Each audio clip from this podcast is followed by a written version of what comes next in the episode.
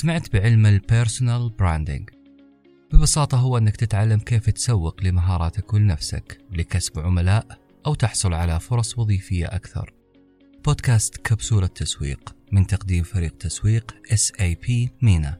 في كل تاريخ 11 من الشهر حلقة جديدة للحديث عن كل ما هو جديد في عالم ال marketing. رابط البودكاست في صندوق الوصف.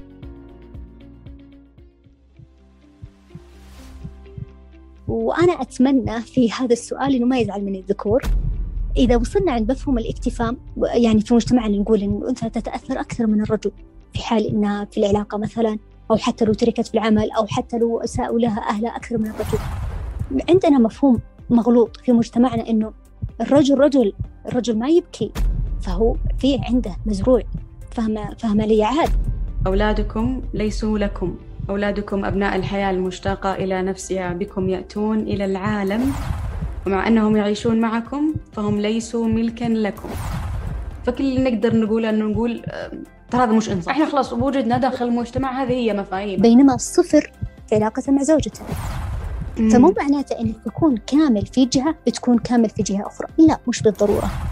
إنه إحنا قاعدين ناخذ حقوقنا والحمد لله واصلين لمرحلة إنه إحنا نقدر نتكلم فغيرنا لا.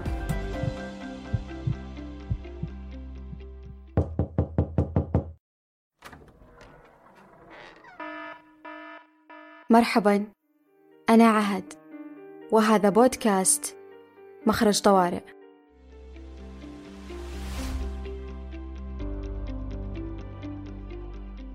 هل يوجد اكتفاء كامل؟ بمعنى أنه في مراحل إحنا بنكون مكتفين في مراحل لا ما راح نكون مكتفين. آه، في جوانب من حياتنا نكون مكتفين فيها في جوانب لا نحتاج أن نعدل أو نحتاج أحد. إيش رأيك؟ صحيح. صحيح يا عهد. آه مش في كل يعني بقول لك إنه ما في كمال ثابت في أي شيء. الحياة قائمة على مبدأ التوازن. دولاب أخذ وعطاء حتى مفهوم الاكتفاء. أنا أعطيك ما أنت بحاجة له من خلالي. وهذا له علاقة بهرمون الأندورفين. إنه أنا لما يعني أنا لما يكون في حضرتي فلان يفرز هرمون الأندورفين لأني أنا موجود فكذا إحنا نشعر بالعلاقة التكاملية للأخذ والعطاء. فهمتي كيف؟ يعني وصلنا لمفهوم الطاقة فعلا الصحيح. بواسطة هذا الهرمون. يعني حتى في العائلة في ذكور وإناث مثلا مفضلين عند أهلهم. إيش السبب؟ السبب هو هذا الهرمون اللي يفرز في حضورهم وبالتالي يحدث انسجام. لكن هل بالضرورة هل بالضرورة إنها تكون علاقتي تكاملية في جميع جوانب حياتي أو مكتفية؟ لا. مثلا تلقين شخص مية على مئة في علاقاته في العمل. ناجح جدا في عمله في علاقاته مع أصدقائه. بينما الصفر ما أقول صفر بكون مجحفة. 20% مثلا في علاقته مع زوجته. فمو معناته انك تكون كامل في جهة بتكون كامل في جهة أخرى، لا مش بالضرورة، بمعنى إنه هذا الجانب بحاجة للعلاج أيضا. وهذا طبيعي. هذا الطبيعي، أنا أقول لك هذا هو سر الاستمرارية في الحياة، الحياة عبارة عن دولاب مستمر. هي مش أندروفينو بس، هي تشكيلة لا. من النواقل العصبية تبدأ تشتغل مع بعضها فهي اللي أو هي المسؤولة عن الدخول في حالة حب. يعني هذا لو بناخذها بتفسير كيميائي جسدي. لما نجيب بتفسير نفسي نجيب متخصص نفسي بيبدأ يشرحها نفسيا. لما نجيب آه، نفسك أنت لما تكلمتي عن موضوع الطاقة لأن مجالك آه، برضو قدرتي توضحينها. لكن أنا أشوف إنه الفكرة كلها على بعضها إذا أخذناها من أي جانب آه، كشعور هي مترابطة ببعضها أساسا. فلما نقول شعور حب ونجي نشرحها بأي طريقة هو هو بالمجمل أو هو باختصار حب فقط أو شعور جميل إحنا نشعر فيه حتى لو إنه ما فسرناه. ويمكن آه، جمالية بعض الأشياء أو جمالية الكثير من المشاعر تحديدا الحب هو في عدم تفسيرها. هذا شيء ما شيء ما له علاقة في موضوع الاكتفاء فقط للتوضيح. أكيد أكيد. أنا عشان كذا سحبت يعني نص الكلام كذا سحبته شوي لأني حسيت إنه راح يعني نتوسع ونتطرق لموضوع آخر مختلف. هل يوجد ناس ممكن إنها تشتغل بالعكس؟ بمعنى إنها تقول أنا ما بيكتفي فبالتالي تروح تعمل إجراءات تخليها ما تكتفي. وايش هو عكس الاكتفاء؟ عكس الاكتفاء الحاجة؟ الاحتياج. الاحتياج. أي هذول الأشخاص اللي تقصدين الأشخاص اللي يتغذون على الآخرين وعلى الاهتمام بالآخرين؟ ما اللي أعرف ما صراحة. ما أعرف لكن خلينا نقول إنه مبدأهم إنه أنا ما أبي أكتفي. يعني في رفض لهالمبدأ. على اعتبار إنه أنا لو اكتفيت مثلا بصير وحيدة. أو مثلا إيه. آه، بفقد علاقات لما أنا أشتغل لما أنا أبني الاكتفاء عندي. صحيح. هذول يا عهد كثير كثير كثير يعني فوق ما تتصورين اللي هم الأشخاص اللي يتغذون على اهتمام الآخرين. إنه يبحث الاهتمام بمعنى أصح إنه يسخر نفسه ووقته للآخر وبالتالي الآخر لو تركه ينهار يتدمر تماما. أوكي؟ فيعجبه بالتالي مبدأ الضحية. يعني في أشخاص مثلا يرضون يعيشون في علاقة من طرف واحد وتعيش على إنها ضحية وما أقدر أتركها مستحيل أعيش من دونه. وأيضا في ذكور يعني من هذا المنطلق في ذكور أيضا يعيشون وفق هذا المنظور إنه ما أقدر أتركها. فهذول الأشخاص كلهم ترى يا عهد لو وصلنا للب الحقيقي هم يعيشون دور الضحية. هم يتغذون من خلال الآخرين. يعني مستعد إنه يموت علشان الآخر مستعد إنه يبذل المستحيل عشان الآخر. أنت أنت قاعد تضر نفسك في الأول والأخير. أنت قاعد تتغذى على مشاعر الاهتمام من الآخر. وأنت تجسد دور إنك ضحية وهو الجلاد في حياتكم تعتقد عهد هذا حب؟ أيوه يعتقدون هذا مفهوم الحب. ال- مثل ما قلت لك الإعلام روج إن الحب عذاب والعلاقات فيها تعب وي- ويميلون للشخص الصعب وصعب المراس. فكل الاعلام روج لهذه الأشياء ويشعرون إنهم ضحايا. ولعلمك يا عهد عارف ان في أشخاص كثير يعشقون شيء اسمه حزن؟ مم. يحبون العيش في دوامة الحزن هذه. هم خليهم في عالمهم. في عالمهم ما عندنا أي مشكلة. أنت مبسوط في عالمك؟ okay. استمر. أسوأ شيء ممكن يحصل أن الإنسان يجد لذة للحزن فبالتالي يجد صعوبة في ال- في الخروج من هذه الدوامة. أو أنه حتى ما يا يكون الله. إنه هو قاعد يتلذذ. بالحزن يعني. ما أجمل كلمتك. هل يوجد فرق بين اكتفاء الذكر والأنثى أو الرجل والمرأة؟ ما أقدر أحدد أقول إنه في فرق أو من أكثر ومن أقل ومن ليه؟ لأنه يحددها عوامل كثيرة. وأنا أتمنى في هذا السؤال إنه ما يزعل من الذكور. إذا وصلنا عند مفهوم الاكتفاء الرجل ليش مثلا الأنثى تتأثر؟ يعني في مجتمعنا نقول إن الأنثى تتأثر أكثر من الرجل. في حال إنها في العلاقة مثلا أو حتى لو تركت في العمل أو حتى لو أساءوا لها أهلها أكثر من الرجل. عندنا مفهوم مغلوط في مجتمعنا إنه الرجل رجل الرجل ما يبكي فهو في عنده مزروع. فاهمة فاهمة لي عاد يعني عنده في عقله اللاواعي هذا المبدأ. ال- الأنثى زرع فيها إنها مسكينة ضعيفة إنها تنهار إنها بحاجة لسند. فبناء على هذا العاملين الأساسيين انطلقت حياتهم. يعني مثلا الآن يا عهد. الرجل ذنبه مغفور صح ولا لا؟ أخطأ عمل أساء يغفر ذنبه. والخطأ سواء كان يعني يعني تغفر له زوجته يغفر للمجتمع يغفر للكل. يعني إنه حتى في العلاقات الرجل يقدر يعدد أثناء العلاقة يقدر يعدد بين بنت وثنتين وثلاثة وينتقل من علاقة إلى أخرى. أوكي؟ وبعدين يقولوا لك إنه هذا من فطرة الرجل. هل هذا اكتفاء أو إنه شخص جائع جدا. شخص متذبذب. شخص محتاج. وبعدين يقول الرجل رجل أنت كذا توزع طاقتك. أنت كذا قاعد توزع تهدر طاقتك لأشياء كثيرة. وبالتالي تتوقع المردود على حياتك؟ أنا مش في جلسة مناظرة إني قاعدة آه، أسيء لرجل لا ابدا. بالعكس في رجال كثير. لا ما ما يشملهم هذا الكلام. لكن أتكلم عن مفهوم الاكتفاء. لأنه في آه، شباب يعني مرت علي حالات كثيرة كذا في في مواضيع نقاشات. إنه عادي أنا بقدر أدخل في علاقة واحدة وثنتين وثلاثة عادي جدا. تركتني واحدة بنتقل لثانية تركتني الثانية بنتقل لثالثة. أنا مرغوب من الجميع. فهم شايلين هذا ال- المبدأ أو المعتقد عندهم في حياتهم. على العكس يا عهد البنت وكثير منهم ما أقول لك يعني ما أقول لك إن الكل لكن كثير منهم من الإناث إنها تبذل كل ما في وسعها لإصلاح هذه العلاقة. الحفاظ على بالتالي علاقة أيوة للحفاظ على هذه العلاقة. ليش؟ لو كانت في علاقة زوجية تحافظ على هذه العلاقة تغفر للزوج تسامح وتعطي. من أجل ماذا؟ من أجل إنها ما تبغى تحمل لقب منفصلة. طيب هل هذا اللقب فيه عيب أو حرام؟ أبدا بالعكس هذا قوة. آه من أجل أطفالي من أجل المجتمع. أهلي ما يقبلون فيني. لو حملت هذا اللقب مجتمعي ما يقبل فيني بينادوني أنا أشعر بالعار. طيب الرجل لو طلق لو طلق اليوم تزوج بكرة لو ماتت زوجته اليوم تزوج بكرة. فليش هذا ليش هذا التذبذب ليش هذا ال يعني ال عدم الإنصاف في آه، في العطاء للذكر والأنثى؟ الأنثى لو أخطأت هي بنفسها ما راح تسامح نفسها كيف تنتظر إن الآخرين يسامحونها. صعب فأنا لما أتكلم آه، صعب اننا نحدد. تفضلي مين المسؤول؟ صعب نقول إنه مين المسؤول عن وجود آه، هذه المفاهيم داخل مجتمعنا. صعب ان نحددها. إحنا خلاص وجودنا داخل المجتمع هذه هي مفاهيمه. فكل اللي نقدر نقوله إنه نقول ترى هذا مش إنصاف. و أوكي طيب هذا مش إنصاف يا عهد؟ أتكلم آه، من خلينا نقول من مبدأ إنه أنا ضحية قاعدة تعرضت للظلم وقاعدة تطالب بحقها. لا إحنا فقط قاعدين نوضح الحاصل. آه، لكن بما إنه إحنا قاعدين ناخذ حقوقنا والحمد لله واصلين لمرحلة إنه إحنا نقدر نتكلم فغيرنا لا. طيب يا عهد هذا اللي أنا قاعدة أنا وضحت لك الصورة العامة والآن قاعدة نتكلم. طيب لما يكون الذكر بهذه الصورة أو هذه الأنثى بهذه الصورة هل تستمر الحياة بهذه الصورة أو إنها تقف عندك أنت نقطة تقف عندك أنت اللي قاعد تسمعني الآن سواء ذكر أو أنثى؟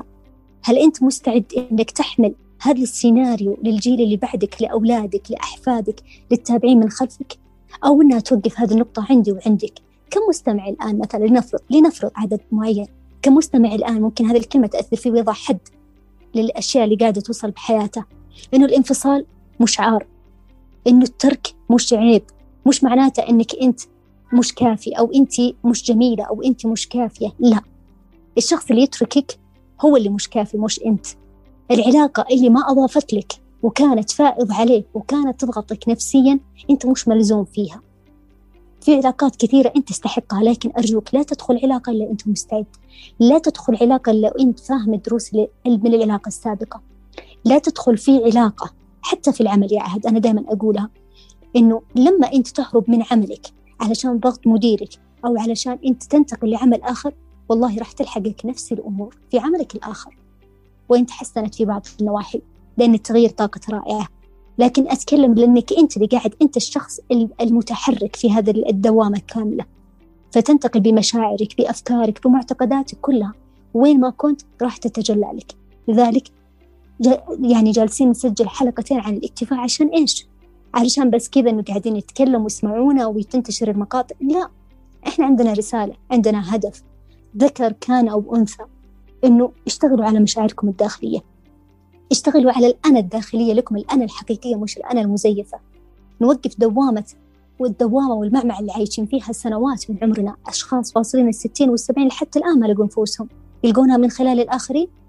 آه، يعني من باب أولى أن يكون الخطاب موجه للذات ذكرا كان أو أنثى.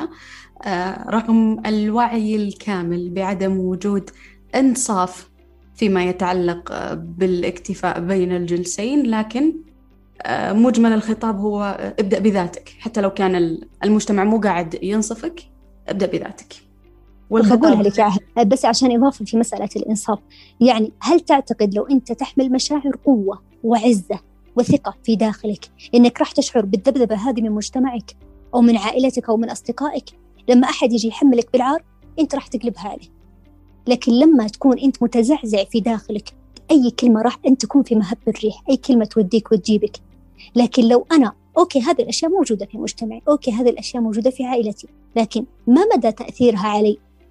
ما مدى تأثري فيها؟ هل ترجعني لورا أو تقدمني لقدام؟ فهذا هو اللي إحنا قاعدين نزرعه في مفهوم الاكتفاء بالذات. إنه لما أرجع لذاتي أنا شلون أتعامل مع هذه الأمور؟ شلون أواجهها؟ أوكي أشياء موجودة في المجتمع لا يغير. يعني هذه حقيقة لا تتغير أو قد تتغير لكن تتغير في داخلنا إحنا من خلال مواجهتنا وتعايشنا معها.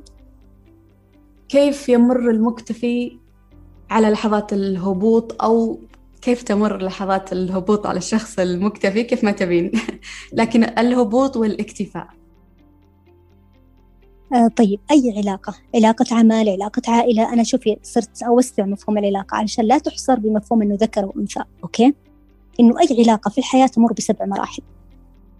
وما راح أفصل فيها أكثر لكن أتكلم إنه طبيعي جدا إن نمر بمرحلة العلو وال ويعني فوق تحت فوق تحت في العلاقة. هذا الشيء طبيعي جدا. إنه كل ما نزلت لتحت وش وسائل السلام عندي حتى أرتقي لأعلى وهكذا. ولما أوصل لأعلى شلون أغذي نفسي أكثر عشان لو سقطت مرة أخرى.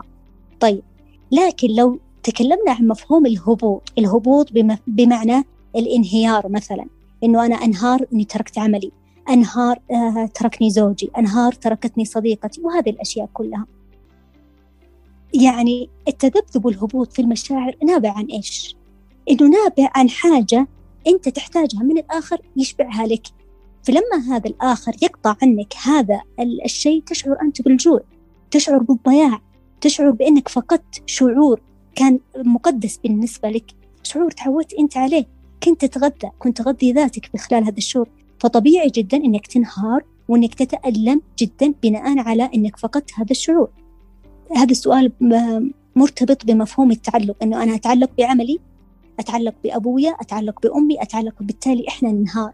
ليش؟ لأن إحنا قاعدين نتصل بالآخرين بواسطة حبال طاقية مش مجال إني أذكرها الآن لكن أقصد إنه إحنا متصلين ببعض بطاقة. فلما هذه الطاقة تقطع عني فجأة طبيعي إني أنهار. طيب إيش المطلوب مني؟ المطلوب مني في هذه الحالة إني الحاجة اللي عند الآخر أشبعها أنا في داخلي وبالتالي يحدث توازن بالانس بيني وبين الآخر. بحيث إنه لو راح هذا الآخر أوكي أنا عندي مخزون. صح أتأذى شوي؟ صح أتألم شوي لكن مش إني أحتاج إلى علاجات وجلسات نفسية والسنين حتى أخرج من هذه الدوامة لأنها علاقات مسمومة حتى لو كانت مع عملي.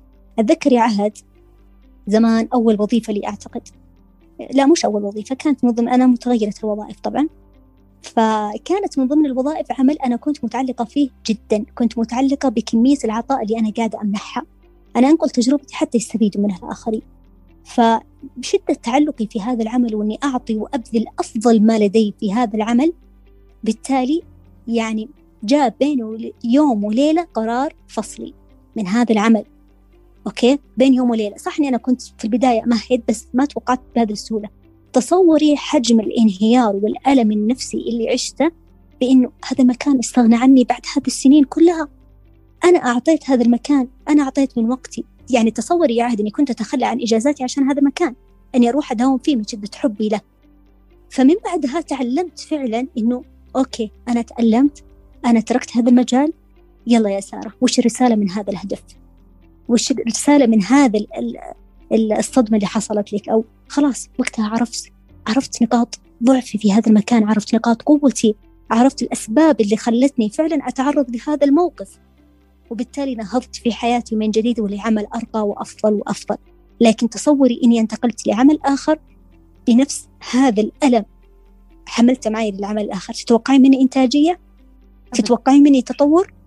بالعكس. دوامة أكون مستمرة أيوة أعيشها مرة ثانية وأكرر علي نفس السيناريو مرة واثنين وثلاثة. طيب سارة جينا اللي إحنا من البداية آه، نوعد المستمعين فيه إنه إحنا ما راح يكون كلامنا تنظيري. كيف أكتفي بطريقة عملية؟ كيف أكتفي؟ كيف أبني الاكتفاء عندي؟ طيب بضرب مثال على نفسي OK؟ إنه لو سألت مثلا إنه إيش أكثر حاجة تهمك يا سارة في علاقات العمل؟ لنفرض. مثلا أنا يهمني الثقة في العمل إني أكون في مكان ثقة عالية يعني أعطي وآخذ الثقة. طيب السؤال الثاني اللي أنا أسأل نفسي please المستمعين يأخذون ورقة وقلم عشان هذه بتكون آه، مثل التمرين العملي لكم. إنه شلون أنا أكون شخص مكتفي. طيب هل أنا سارة أطلب باستمرار الثقة من العمل؟ آه أنا إيه أطلب. مثلا أطلب عقود تكون واضحة أطلب مواعيد تكون ثابتة أطلب آه أشياء تكون واضحة أمامي. هل السؤال الثالث هل أنتظرها باستمرار؟ هل أنتظر هذه الثقة باستمرار؟ نوعا ما. نوعا ما. آه طيب. لو لم تلبى يعني الثقة هذه ما لقيتها في هذا المكان؟ وش مشاعري؟ وش تكون مشاعري؟ OK أنا أتكلم عني كسارة. أنا ممكن أشعر بألم ممكن أشعر برغبة في تغيير المكان ممكن أشعر بالضياع بقلة العطاء قلة الجودة. OK هذه مشاعري. طبعا هذه كلها أمثلة أمثلة مش بالضرورة أنها تكون حقيقية. لذلك أنا أعيد الأسئلة من جديد حتى تكتبونها. إنه شلون أعزز الاكتفاء في داخلي. أول سؤال تطرحونه على نفسكم إيش أكثر شيء يهمك في هذه العلاقة أو في هذا العمل أو مع هذا الشخص أو أيا كان؟ السؤال الثاني هل تطلبها باستمرار بأي طريقة كانت مش بالضرورة أنها تكون بطريقة مباشرة. السؤال الثالث هل تنتظرها باستمرار؟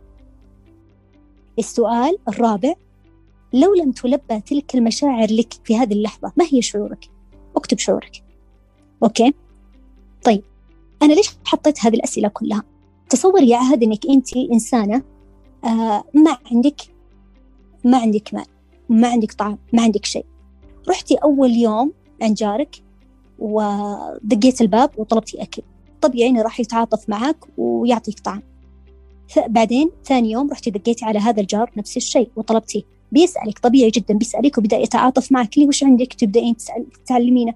أنا عندي وأنا عشت وأنا تركت وأنا صار لي وعمل. تبدأين فيبدأ يثيرها الفضول حولك هذا الجار ويبدأ يتحمس ويعطيك أكثر. جيتي رابع يوم خامس يوم سادس يوم بالتالي يبدأ هذا الجار يشعر بمشاعر ليش تطلبني هي كل شوي؟ ما في جي... ما في جيران حولي كثير تروح تطلب منهم اكل ما في إلا أنا. مم. OK؟ فتبدأين انت تعطي تروحين للجار هذا تدقين بابه تطلبين أكل يقول لك والله معلش اليوم الثلاجة فاضية. انت هنا تبدأين تنهارين. ليش؟ لأن ما عندك مخزون. ما عندك مخزون غذائي في المنزل. فتنهارين لأن المصدر الوحيد اللي كنت تأخذين منه. هذا الشيء وقف عنك. بالتالي أكيد أنك راح تنهارين راح تموتين. وراح تتخبطين وممكن تدقين على هذا الجار وهذا الجار وتبدأين تتشتتين. فلما أنا أكون بحاجة شعور معين وأبدأ أطلبه من هذا الشخص في البداية راح ينبسط إنه أوكي أوه أنا ألبي رغبات هذا الشخص وأعطيه ثاني يوم أطلبه ثالث يوم بعدين بعدها يقول ما في إلا أنا ما في اللي أنا تدق علي ما في اللي أنا تقول لي قول لي أحبك ما في اللي أنا طالع فيني وش أعطيها وش أقدم لها ما في اللي أنا أقدم لها هدية. فتبدأ هنا علاقة النفور بين الطرفين. وقيس عليها حتى في مجال العمل. مجال العمل أيضا أنه أنت لما تعطي عطاء زائد مثل ما صار لي أنا عطاء زائد بالتالي النتيجة عكسية تنقلب عليك. فأيضا الأنثى أو الذكر لما تعطي عطاء مبالغ فيه في العلاقة وتجني على نفسك وتجني على وقتك ومشاعرك بالتالي تستحق نتيجة عكسية. في حال أنك كنت تنتظر وهذا هو الإجابة للسؤال الثالث. لما سألتك هل تنتظرها باستمرار؟ لكن لو في حال أنك أنت تعطي لكن ما تنتظر بالتالي لا النتيجة جميلة جدا لكنك بحاجة لتوازن أوكي؟ طيب. الآن يلا نكمل التمرين العملي. إنه عن طريق ثلاثة أمور. أولا ما أرغب به. مثلا أنت حدد إيش ترغب فيه. أنا والله أحتاج آه، شخص يشعرني بالحب مثلا. هذا أكثر شيء الناس طايحين فيها أمانة يعني فراح أختصرها. أنا أبغى شخص يشعرني بالحب يشعرني إني إنسانة كافية. يشعرني إني مقبولة يشعرني بإني أجمل إنسانة. أوكي. طيب. الحل إنه كل يوم تمسك ورقة وقلم أو دفتر خاص. هذا الدفتر اسمه الامتنان. الامتنان أقول لكم إنه هو وقود الحياة هو عجلة الحياة. كلمة يعني الحل أيوة هو سر الحياة باختصار. السحري. أكيد أكيد يعني لو أكيد. أنه المستمع ما يطلع من الحلقة إلا بتطبيقات الامتنان تكفيه صح سارة؟ جد والله جد أقولها لك. لذلك أنا راح أعيد التمرين هذا هي عن طريق الثلاثية. أنا أسميها الثلاثية. أول شيء تجيب لك دفتر دفتر خاص اسمه دفتر الامتنان. خلاص سمى زي ما أنت تسميه شعوري مشاعري حب الحياة أي اسم أنت حب يعني تسمي الدفتر OK؟ هذا الدفتر عامل كروح لك أنت لأنه قاعد يكشفك لنفسك OK؟ أول حاجة أنت إيش تبغى من الآخرين؟ أنا والله أبغى شخص يهتم فيني شخص يحبني شخص يسمعني كلام ولنفرض أيا كان لكن الأفضل أنك تبدأ بشعور شعور يعني أكثر شعور أنت بحاجة له ابدأ فيه. مثلا أنا بحاجة لاهتمام أبغى شخص يهتم فيني يحسسني إني رقم واحد في حياته ابدأ. إيش تكتب في هذا الدفتر؟ كل يوم اعمل امتنان لهذا الشيء اللي انت تفقده. مثلا أنا والله فاقد شعور اهتمام. خلاص أنا فاقد شعور اهتمام. أبدأ الآن أشوف إيش الأشياء اللي في حياتي أنا أهتم فيها. بالتالي أنا قاعدة أغذي نفسي أنا قاعدة أضع وقود في داخلي. أنت يا سارة مثلا والله تهتمين إنك قاعدة تاكلين وجبات. وطعام. أنت تهتمين يا سارة مثلا إنك تسرحين شعرك. انت تهتمين انك مثلا تلبسين ملابس جميلة. أنت تهتمين بنفسك لأنك قاعدة تعملين فتبدأين تعددين الأشياء بس كل يوم شيء واحد. وش تقولين مثلا؟ ممتنة يا الله ممتن أو ممتن يا الله إنه أنا عندي وقت أهتم بشعري بتسريحة شعري وأشعر فعلا بالاهتمام؟ غيرنا كثير من الأشخاص مو قادرين يلقون وقت ولا وسائل ولا أدوات عناية بشعرهم. بالتالي أنت في نعمة الآن. ممكن أشخاص الحين يقولون إيش هذا المثال التافه البسيط؟ صدقني الأشياء البسيطة هذه هي هي السر هي السر لأنه تفاصيل بسيطة في حياتنا إحنا ما ندركها إحنا ما نعيها. وبالتالي تستحق أن النعم الكبيرة تروح منك. طيب يلا إيش كمان من اهتمام في حياتنا؟ مثلا أنا أني أهتم أروح النادي أنا عندي أشخاص يهتمون فيني أنا أمي اليوم. مثلا جابت لي طعام جابت لي طعام عملت لي طعام المفضل. أنا والله أخوي يهتم فيني قطوتي مهتمه فيني أيه. صحيح. شوفوا في يعني أدق التفاصيل اللي تشعر فيها بالاهتمام في حياتك اكتبها. يلا نصيغ الاهتمام مثلا. مثلا الحمد لله ممتنة يا الله. إن سخرت لي الوقت لأهتم بجسدي ورعايتي الصحية مثلا أو النظافة الشخصية أو أيا كان أوكي؟ بعدين ثالث ثالث حاجة أنت شلون تمنح الآخر هذا الاهتمام؟ إحنا قلنا قبل ما تطلب أعطي. يلا أنا كيف أهتم؟ أنا والله قررت اليوم أهتم بأبويا. طيب إيش أسعد أبويا فيه اليوم؟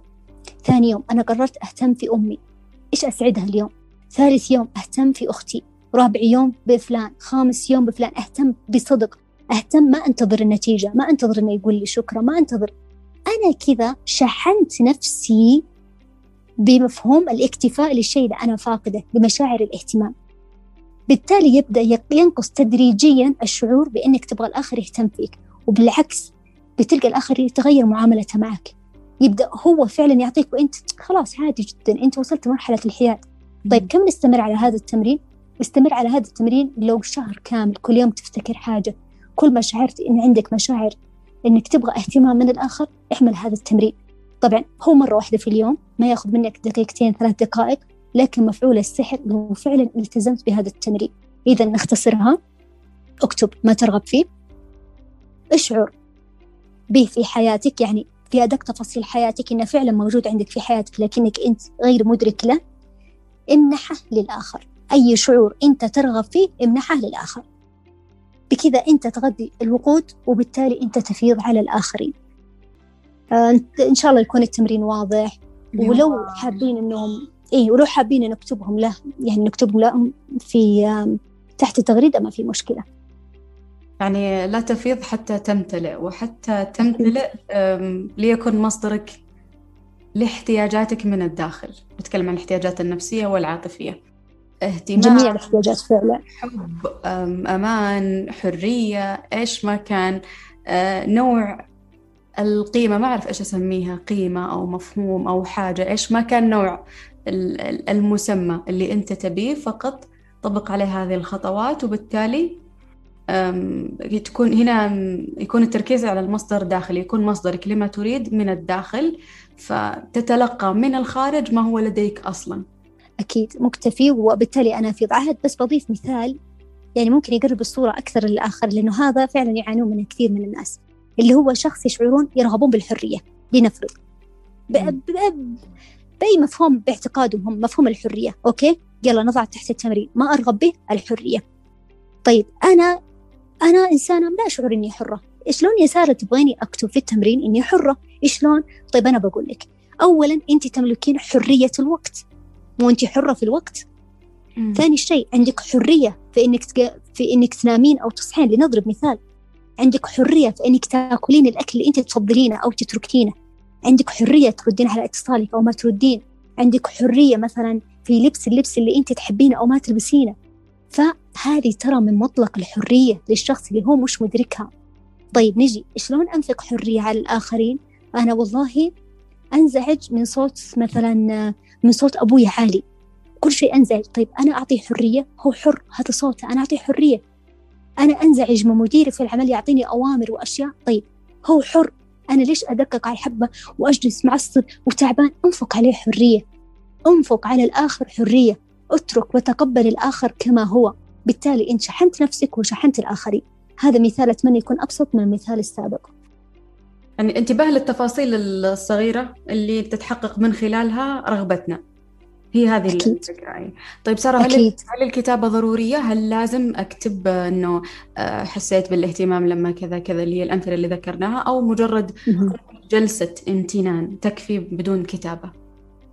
السر هو في الكتابة باليد الكتابة باليد طاقتها طاقة عظيمة جدا ويكون لك دفتر خاص يعني تصور معي إنك تكتب في دفتر هذا الدفتر أنت تقدسه وحتى جنبك على السرير يعني وأول ما تصحى الصباح تبدأ تكتب أو حتى خلال اليوم لكن أفضل وقت هو وقت الصباح إنه لما تبدأ بالامتنان. في ناس ممكن يشعرون بالملل من أول أسبوع. آه بالملل من أسبوعين ما في شيء تغير. لا تنتظر النتيجة استمتع بالسعي. إذا انتظرت النتيجة راح تطول النتيجة. يعني ضع لك نية صادقة. يا رب أنا أنوي إني أفك تعلقي بالأشخاص باحتياجي لهم بهذه النوايا الطيبة اللي أنا أضعها بامتناني لك لأنك أنت أعطيتني أشياء بسيطة. تفاصيل بسيطة أنا ما كنت مدركها. يا رب أنت مصدر الوحيد. يعني تعتقد بعد هذه النوايا أنك أنت ارتبطت بحبل الله أنك راح تحتاج لبشري من الأرض أنه يغذيك أو يشبعك بهذه الحاجات؟ أوكي تألمت سنة سنتين ثلاثة تعبت سنوات خلاص. غير غير السيناريو وابدأ في هذا الجدول. شوفوا بقول لكم راح يدخل عليك الشيطان بمداخل يو يتفاهت اللي كتبته. بس هذه الأشياء أنت والله ما تعرف. نام نام الحين ما في شيء. يعني كل هذه الهواجس راح تجي كل هذه الهواجس. إذا شفت نفسك مرة مشغول اكتبها في جوالك وإذا رجعت اكتبها في دفترك. يعني إذا فعلا أنت صادق مع نفسك. نفس ما ذكرنا في حلقة كائنات سحرية بقوة مغناطيسية كان السحر اللي تكلمنا عنه هو الامتنان. فقلنا أنه لو ما حصلت معجزات في حياتنا يكفينا الشعور الطيب اللحظي اللي نحس فيه في لحظتها لما نطبق الامتنان. أكيد. من أعظم النعم الله العظيم الامتنان. يعني شوفي أنا أتكلم عن تجربة شخصية لمفهوم الامتنان تغيرت حياتي 180 درجة. ذلك أنا حريصة جدا على هذا الموضوع أنهم يطبقون الآخرين في حياتهم. كيف يزرع المربي شخصية الاكتفاء أو شخصية المكتفي عند الطفل أو عند الناشئ؟ أيا كان هذا المربي سواء كان معلم أو أب أو أم شخص في في موقف أو في موضع مسؤولية عن طفل. أو ناشئ يعني شامل الكلام للأطفال والمراهقين. آه لعلمك يا عهد يعني أنت الآن تطلبين من أشخاص هم فاقدين لهذا الشيء مع كامل احترامي لهم لكن أتكلم عن عينة كبيرة من الأشخاص إنه شلون؟ آه مثلا عندك المربي سواء آه أو الوالدين أو المعلمين أو حتى مرشد ديني أو حتى يعني حتى آه، المدربين في الوعي. يعتقدون أنهم هم الصح الأوحد وإنه أنت لازم تتبع طريقتي وأسلوبي وهي الطريقة الصحيحة والوحيدة وهي اللي خلتني آه، في في موضعي الحالي الآن. فينشأ الطفل أبواه يهودانه أو ينصرانه مثلا وقيسي عليه أنه الطفل ينشأ يشوف شلون معاملة الأب شلون معاملة الأم سواء داخل المنزل أو خارج المنزل وبالتالي إيش تتوقعين منه؟ هو عايش في بيئة معينة محددة بقالب معين ينشأ عليه هذا النشأ. لذلك رسالتي لهم هم بنفسهم. إنه لا تعتقد نفسك إنك أنت الصح الأوحد حتى لو وصل عمرك السبعين. الخبرات اللي أخذتها في حياتك هذه هي النتيجة اللي وصلتك لواقعك الحالي. هل أنت راضي عن واقعك الحالي الآن؟ أو تشوف إنه ما باليد حيلة وهذا اللي أنا وصلت له. بالتالي يحق لك بعدها إنك توجه النشء من تحتك حتى لو كنت معلم. حتى لو كنت مربي حتى لو كنت رجل دين رجل سياسة أيا ما كان. شلون؟ إنه مثلا العائلة يا عهد يعني شوفي بقول لك شيء. أطفال الأجانب هل تقارنين ثقتهم بنفسهم مثل أطفالنا في الشرق الأوسط؟ الشرق الأوسط بوجه عام ما قلت مكان معين. أو في اختلاف. في اختلاف في اختلاف. في اختلاف. طيب اختلاف من ناحية إيش؟ من ناحية منح الثقة. يعني يعني ممكن تشوفين مقابلة لطفل في عمر سنتين يتكلم أفضل من شخص في في المتوسط في الشرق الأوسط. صح ولا لا؟ اي بناء على التربية بناء على التربية. لما يكون في المنزل متربي في بيئة تمنح الحرية المطلقة أنا ما أقول الحرية المطلقة بمعناها الثاني لا أنا أقصد الحرية اللي تمنحه حق الاختيار حق التجريب. حق ال يعني ال إنه يمارس الصح والخطأ حتى هو يتعلم. الصح لأبوك مش بالضرورة إنه يكون صح لك. الخطأ لأمك مش بالضرورة إنه يكون خطأ لك. يعني كثير مثلا من الأمهات أنا أسمعهم تقول لبنتها مثلا لا تعطيني الرجال وجه الرجال ما يعطون وجه بناء على تجربتها هي. فتزرع في طفلتها هذا المفهوم وتشوف الطفلة الأم تعامل الأب بهذا السوء بالتالي تكبر على هذا على هذا المبدأ. فالرسالة لأي مربي لأي موجه لأي مرشد أنت كن موجه فقط. اترك لأطفالك حرية الخوض لتجربتهم الحياتية المنفصلة. بالتالي يقدرون ينطلقون بالتالي يقدرون يكبرون. يكونون مبتكرين يكونون مبدعين. يشوفون وش يبغون بحياتهم. في ناس كثير الآن واصلين للثلاثين للسبعين من عمرهم. والله لحتى للسبعين. مو عارفين هدفهم ولا رسالتهم في الحياة. ليه؟ لأنه ماشيين وفق قالب معين. قالب العائلة قالب الدين قالب السياسة قالب المجتمع. هو مش منفصل. طيب ليش ما انفصل عن نفسه؟ ليش ما جرب وعرف هويته؟ لأنه كان مقموع أو في قالب معين إنه افعل هذا الشيء ولا تفعل هذا الشيء. لذلك الأب والأم إذا كنتوا يعني في رغبة إنكم تربون هذه الأمانة اللي بين يديكم على مبدأ الاكتفاء على مبدأ الثقة على مبدأ الشعور بأنه شخص كافي اجعل له حرية التجربة. خليه يجرب. ابنك أخطأ خليه يتعلم من خطأ أنت وجهه فقط. وجهه. أنت أرشدة فقط لكن اتركه لا تقول لا تعمل هذا الشيء ترى بابا يطلب عليك. لا تدخل التخصص الفلاني أنا ما راح أسامحك طول حياتي. طيب كيف تتوقعون الإنتاجية؟ إذا أبسط تفاصيل حياتنا يتدخلون فيها. يبغون نكون نسخة من حياتهم أو حتى نسخة من حياتهم اللي ما قدروا يجسدونها.